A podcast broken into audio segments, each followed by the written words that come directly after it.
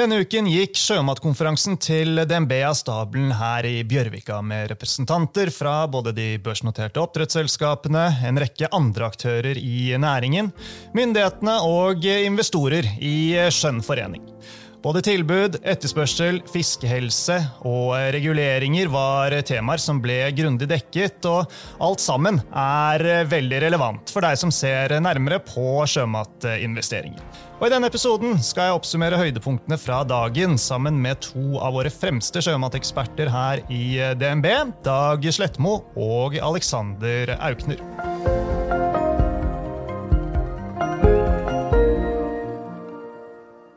Velkommen til eh, Utbytte, DNB-podkasten der vi forklarer hva som skjer i den globale økonomien og finansmarkedene.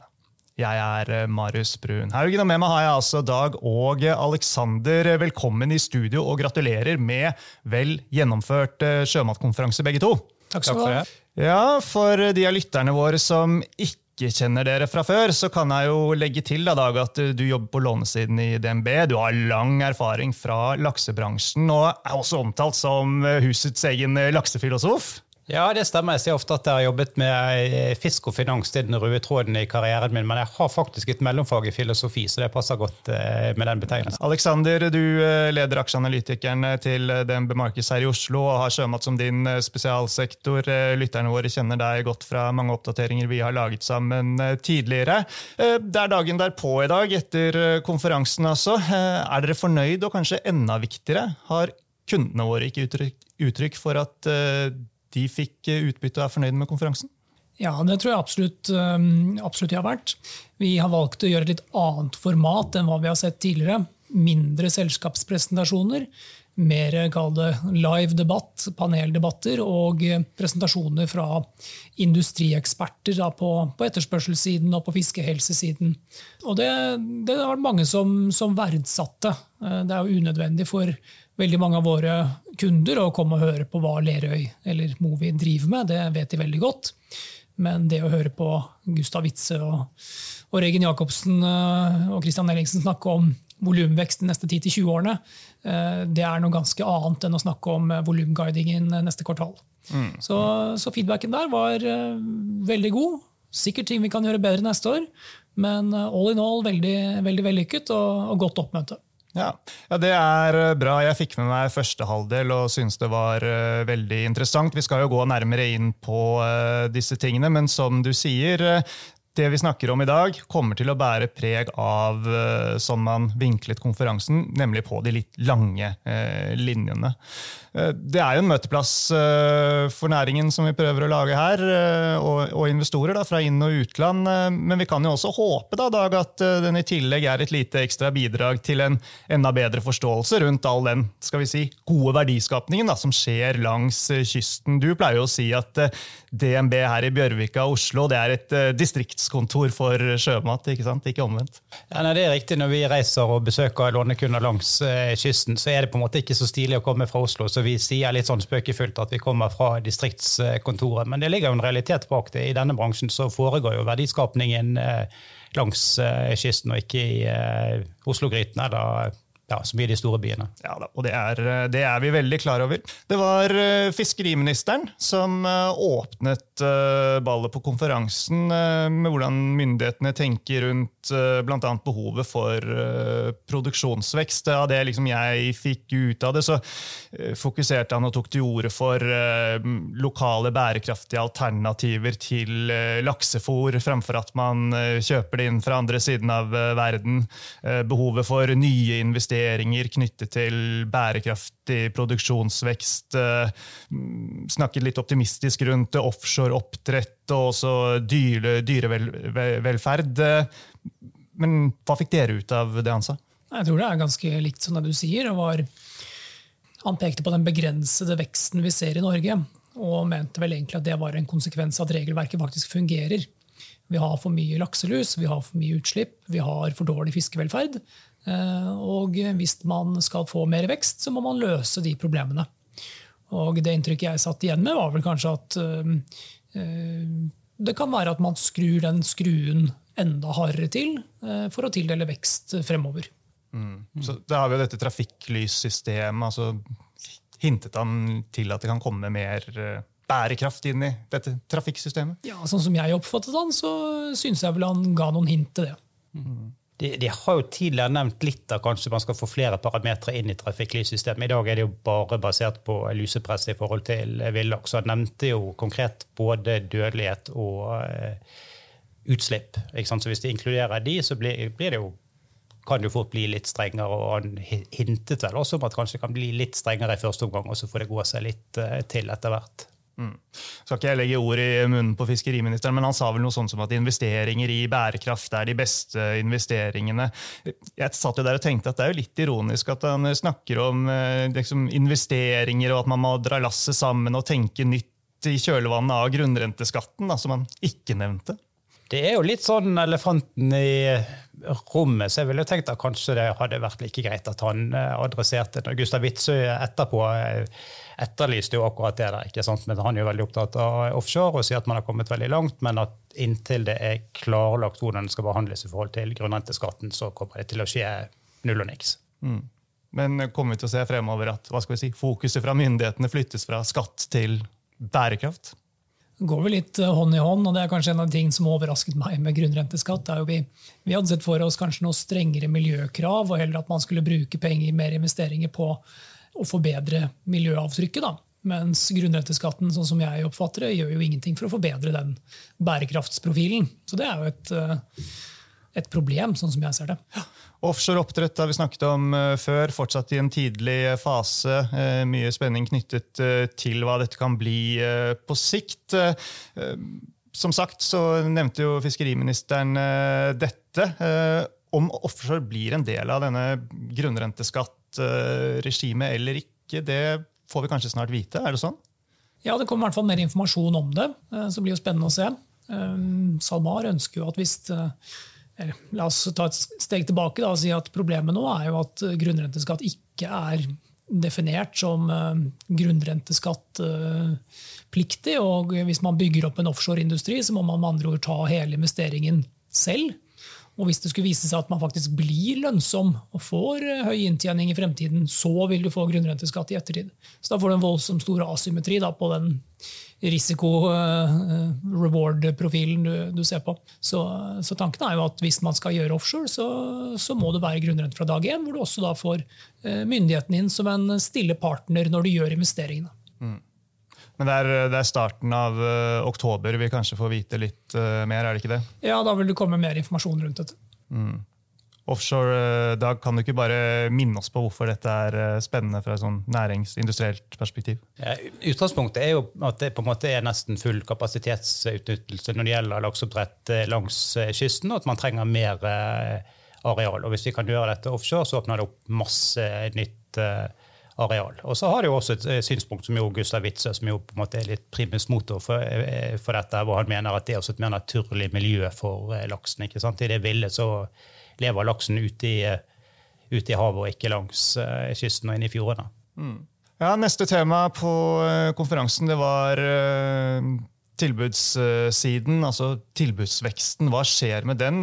Du ledet dag en veldig interessant panelsamtale med Gustav Witzøe, Christian Ellingsen fra Movi og Regin Jacobsen fra Bakkafrost. Altså folk som har vært med lenge, og som kan denne industrien veldig, veldig godt. Syns også det er interessant at de har en veldig forskjellig tilnærming til nettopp uh, offshore oppdrett. Da, hvor Witzøe liksom fremstår som den si, mest optimistiske pådriveren. Bakkafrost i midten og Movi litt mer med en sånn avventende, uh, opportunistisk uh, holdning. Som Alexander de også hadde da vi snakket med dem for hva er det, ett år siden nå. Ja, Alexander introduserte jo dette panelet som uh, han sa at de hadde gitt inn noen folk fra gaten for å diskutere dette. er en bilmekaniker, eller tidligere bilmekaniker, altså Gustav Witzøe, sønn av en sildefisker. Regin Jacobsen fra og en revisor som er Christian Ellingsen fra, uh, fra Movi. Så de har jo veldig ulik tilnærming. Movi vil jo gjerne se at tingene på en måte funker kommersielt og kunne sette seg ned og regne på det.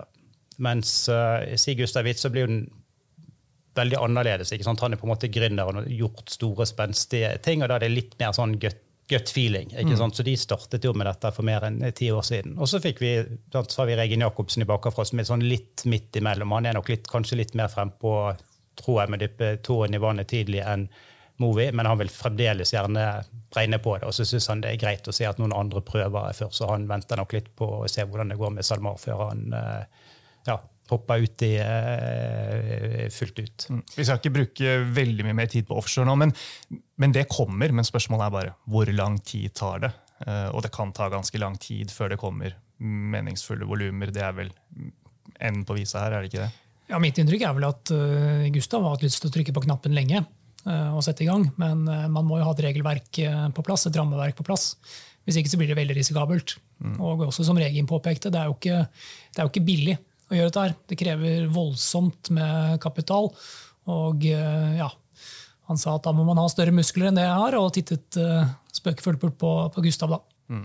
Ok, Men i forhold til eh, dette med tilbudsvekst, som jo selvfølgelig er et sentralt tema av mange grunner, det kan jo dere få forklare oss. Av det jeg hørte, så er det ikke mye som taler for at eh, tilbudssiden eller tilbudsveksten eh, vil bli spesielt eh, stor med det første. Eh, det er liksom ingen quick fix her. Nei, det er jo lange ledetider på, på produsere laks til å begynne med. Og så har det jo vært liksom to det, alternative teknologier. Det er jo offshore og landbasert. Og begge de to har jo tatt lengre tid å realisere enn det man har sett for seg. og vært vanskeligere å realisere enn det man har sett for seg. Eh, Og da er vi jo tilbake igjen til at du må ha vekst i tradisjonell oppdrett. Eh, Og Der kan sikkert Dag supplere litt på, på de kommentarene som blir gjort der, men eh, der er det jo vanskelig å få til betydelig vekst. Ja, altså En ting som vi snakket om i det panelet, er ikke sant, det, det er jo veldig mange ulike initiativer som Alex eh, peker på, men at, samtidig at ledetiden er veldig lang. Som nok betyr at si om ti år så vil det fortsatt ikke være vesentlige volumer fra ny teknologi. Om 20 år så kan det jo se, se veldig annerledes ut. Mm. Men utfordringen er at etterspørselen der vi er i dag, er, er veksten i etterspørselen er mye større enn veksten i tilbudet. Er det det? Ja, så det, er så det er på en måte en tapt mulighet, eh, at man ikke klarer å holde, følge med, med etterspørselsvekst. Men samtidig som Regen også påpekte, så er jo volumveksten er jo ikke null og nikk, så den er jo på en måte bedre enn den er i veldig mange tradisjonelle si, matvaresegmenter, i hvert fall i den vestlige verden. Så En ting som, i hvert fall sånn jeg oppfattet det, var at når det kommer til den tradisjonelle oppdretten, da, så, så pekte panelet på at uh, man får ikke nok fleksibilitet som oppdretter til å gjøre endringer når biologiske utfordringer eh, oppstår.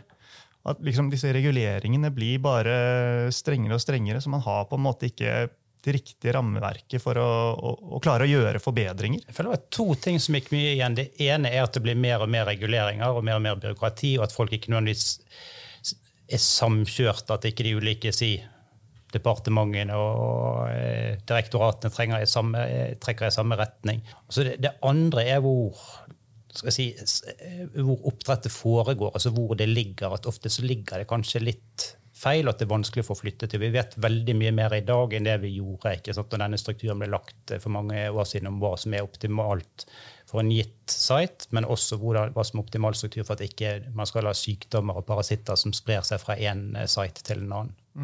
Også interessant eh, dette med teknologi, som dere touchet eh, innpå. Vi har, vet jo alle hva som skjer innen eh, kunstig intelligens osv. osv. Movi, blant annet. Det var jo litt delte meninger også her. da. Movi mente blant annet at, og Christian Ellingsen at eh, 2020, det, altså 2020-tallet, vil bli hva skal vi si, teknologiens tiår i bransjen. Det skjer jo mye på den fronten. Samtidig så har jeg på en måte ikke sånn helt sett resultatene av det ennå. Men det føler jeg at det, det er sånn som man har sett i mange bransjer, at folk surrer rundt med digitalisering lenge, og så skjer det tilsynelatende veldig lite sett fra utsiden, og så plutselig så får det traction, og så eh, fører det til radikale endringer. Og Movi har vel sagt at de skal være helt digitalisert i Norge i 2025, og jeg syns jeg hører oftere og oftere at oppdrettere snakker om at når de har ulike biologiske problemer, så putter de svære datamengder inn i en eller annen algoritme, og så hjelper det de litt på nøstet på veien. Så, hvis, så det virker som det blir brukt mer og mer, at det er på en sin stigende kurve. Ja, ja, Da er vi tilbake til den. Sakte, sakte, plutselig. Ja. Nettopp. Ok, Men eh, Alexander, sånn eh, alt annet like, men eh, begrenset uh, tilbudsside. mm, Det fører jo med seg noen bra ting også i forhold til priser og oppdretternes marginer. Ja, og det er jo litt sånn ironien som, som enkelte deltakere også pekte på. Det er jo stort sett jo større problemer denne næringen har med vekst, jo høyere går aksjekursen. Og det er jo fordi prisene selvfølgelig stiger. Men normalt sett, begrenset vekst det drar jo med seg en del andre negative ting òg. Produksjonskost øker i stor grad. Og som Dag også presenterte i, i, sitt innslag, så er jo en veldig stor del av kostnadsøkningen vi har sett de siste par årene, drevet av biologiske utfordringer. Mm. Så, så, det at man ikke klarer å vokse av biologiske hensyn, det er jo ikke, det er jo ikke ideelt. Mm. Og ja, det var nok et snev av politikerforakt i, i panelet rundt kalle problemene med å få tildelt lokasjoner. Det var en, et gjengående tema som ble tatt opp. Ja. Fiskehelse var et av uh, hovedtemaene. og ja, Det er vel mange meninger, særlig om lokale avtrykk og sånne ting i, i sjømatsektoren. Men én ting er vel klart at uh, man må jo være god på fiskehelse for å lykkes som oppdretter? må man ikke det?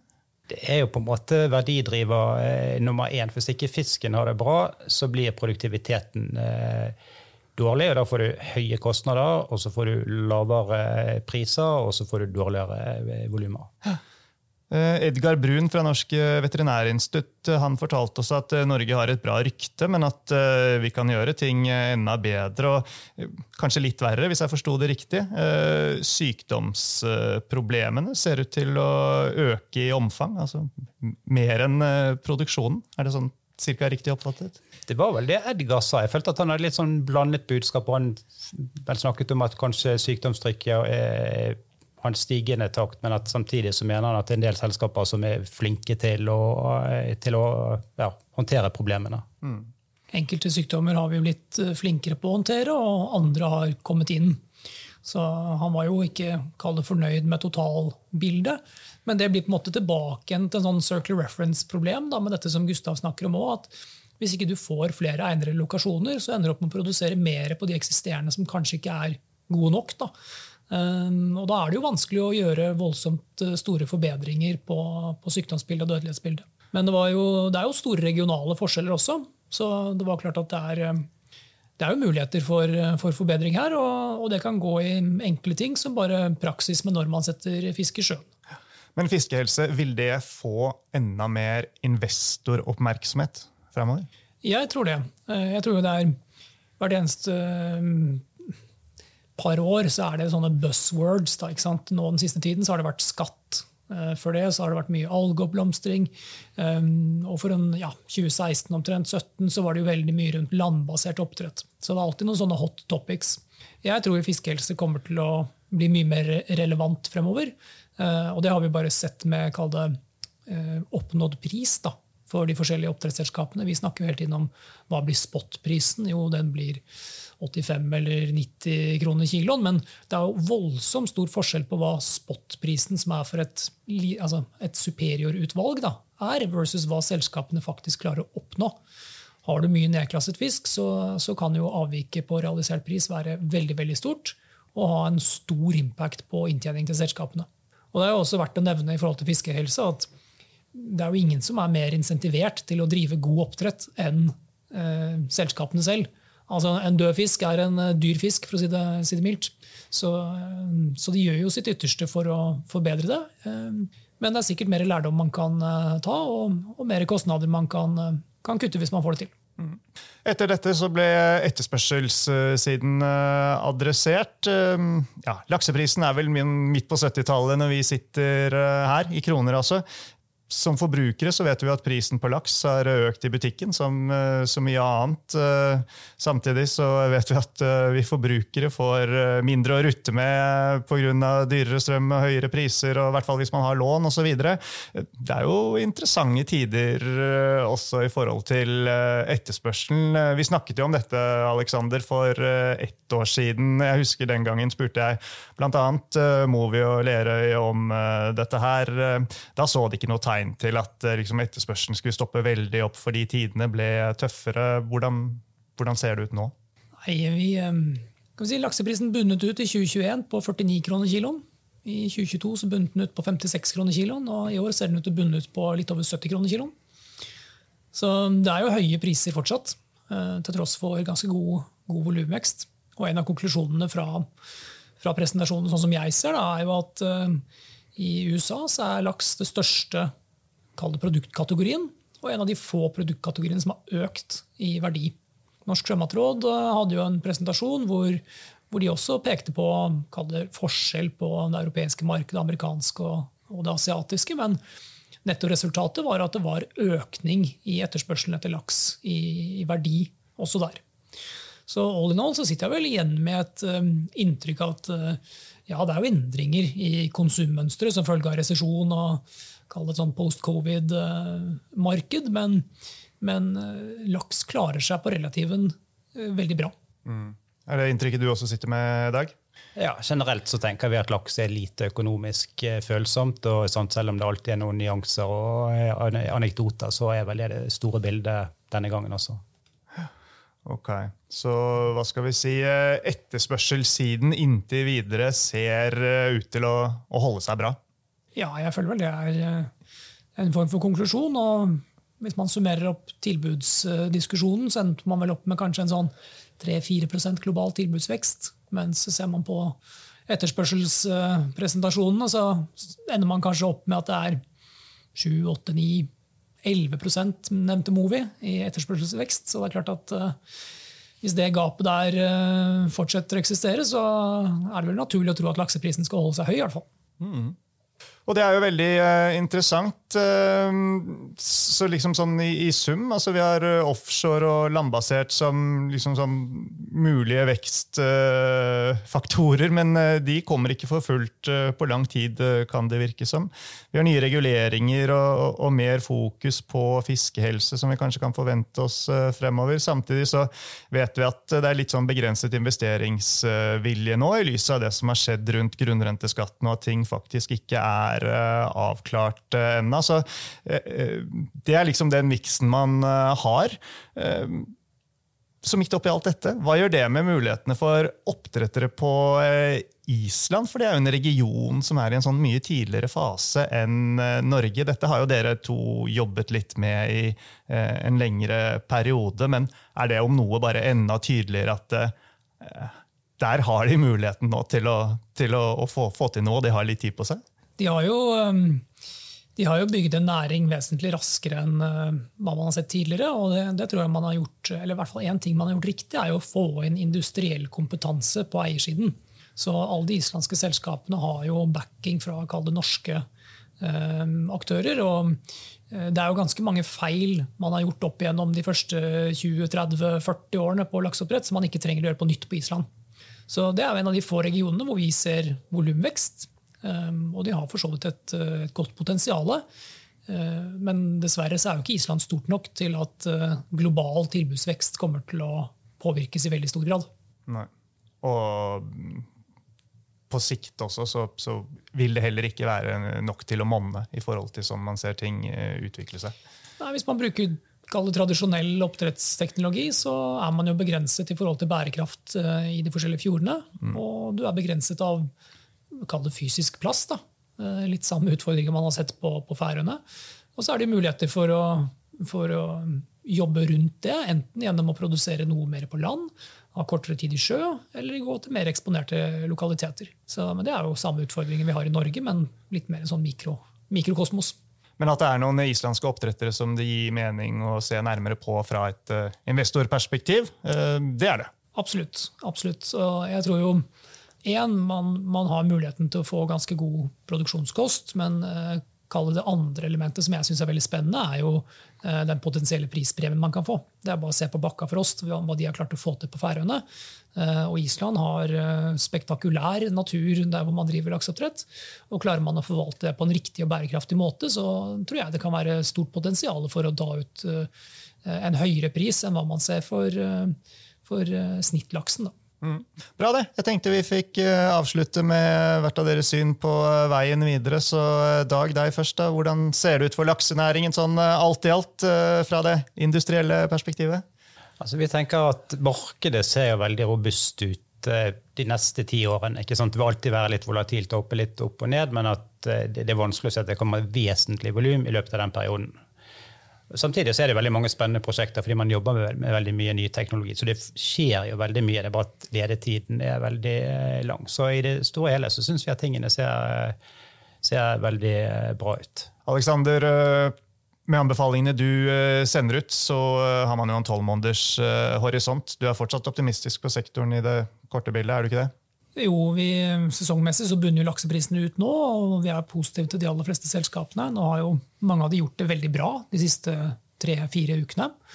Eh, men jeg vil vel si at konklusjonen fra gårsdagens eh, seminar var vel at vårt base case er eh, styrket. Tilbudssiden fortsetter å se begrenset ut. Etterspørselssiden fortsetter å se robust ut. Og så er det vel kanskje kost og reguleringer som kan være en joker eh, fremover. Mm. de neste årene, altså, vil de mest interessante investeringsmulighetene komme i selve oppdretterne, eller vil det komme i selskapene i verdikjeden rundt oppdretterne? Det vil finne gode, finnes gode investeringer i, i, begge camper, for å si det sånn. Så jeg tror ikke jeg skal eh, dra fram én spesifikk eh, subsektor eller leverandør til næringen. Det, det, finnes gode kjøp og gode selskaper eh, overalt i den næringen. her, for ærlig. Ja, bra det. Og dette kommer selvfølgelig eh, dere og vi til å følge med på eh, fremover. Vi får la det bli det siste for i dag, så da gjenstår det bare å si tusen takk til dere begge for at dere var med. Og sist, men ikke minst, tusen takk folkens til alle dere som hørte på.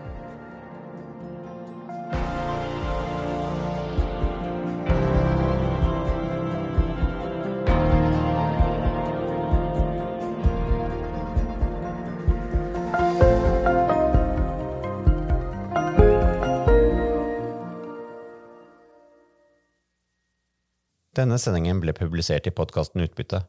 Innholdet i sendingen er å anse som markedsføringsmateriale fra DNB og er ment å være generell spareveiledning. Sendingen skal ikke oppfattes som et tilbud om å kjøpe eller selge finansielle instrumenter, eller som investeringsrådgivning tilpasset den enkelte investors situasjon. En investor som har behov for råd eller har spørsmål om informasjon som gis, bør kontakte en finansrådgiver. DNB påtar seg ikke noe ansvar verken for direkte eller indirekte tap som følge av innholdet i sendingen legges til grunn for eventuelle investeringsbeslutninger. Husk at historisk avkastning aldri er noe garanti for fremtidig avkastning. Avkastningen kan bli negativ som følge av kurstap. Bruk av prognoser for å beregne fremtidig avkastning er heller ingen garanti for fremtidig avkastning. Innholdet i sendingen bygger på informasjon fra offentlig tilgjengelige kilder som DNB ser på som pålitelige, men som ikke er uavhengig verifisert. Følgelig gir DNB ingen garanti i forhold til nøyaktighet og fullstendighet. Alle uttalelser her reflekterer DNBs, den enkelte ansatte, eller andre tredjeparts vurderinger på tidspunktet for den aktuelle sendingen, og kan i ettertid endres uten nærmere beskjed. Ytterligere informasjon om bl.a. kildebruk og interessekonflikter er tilgjengelig på dnb.no skråstrek invest, bindstrek disclaimer.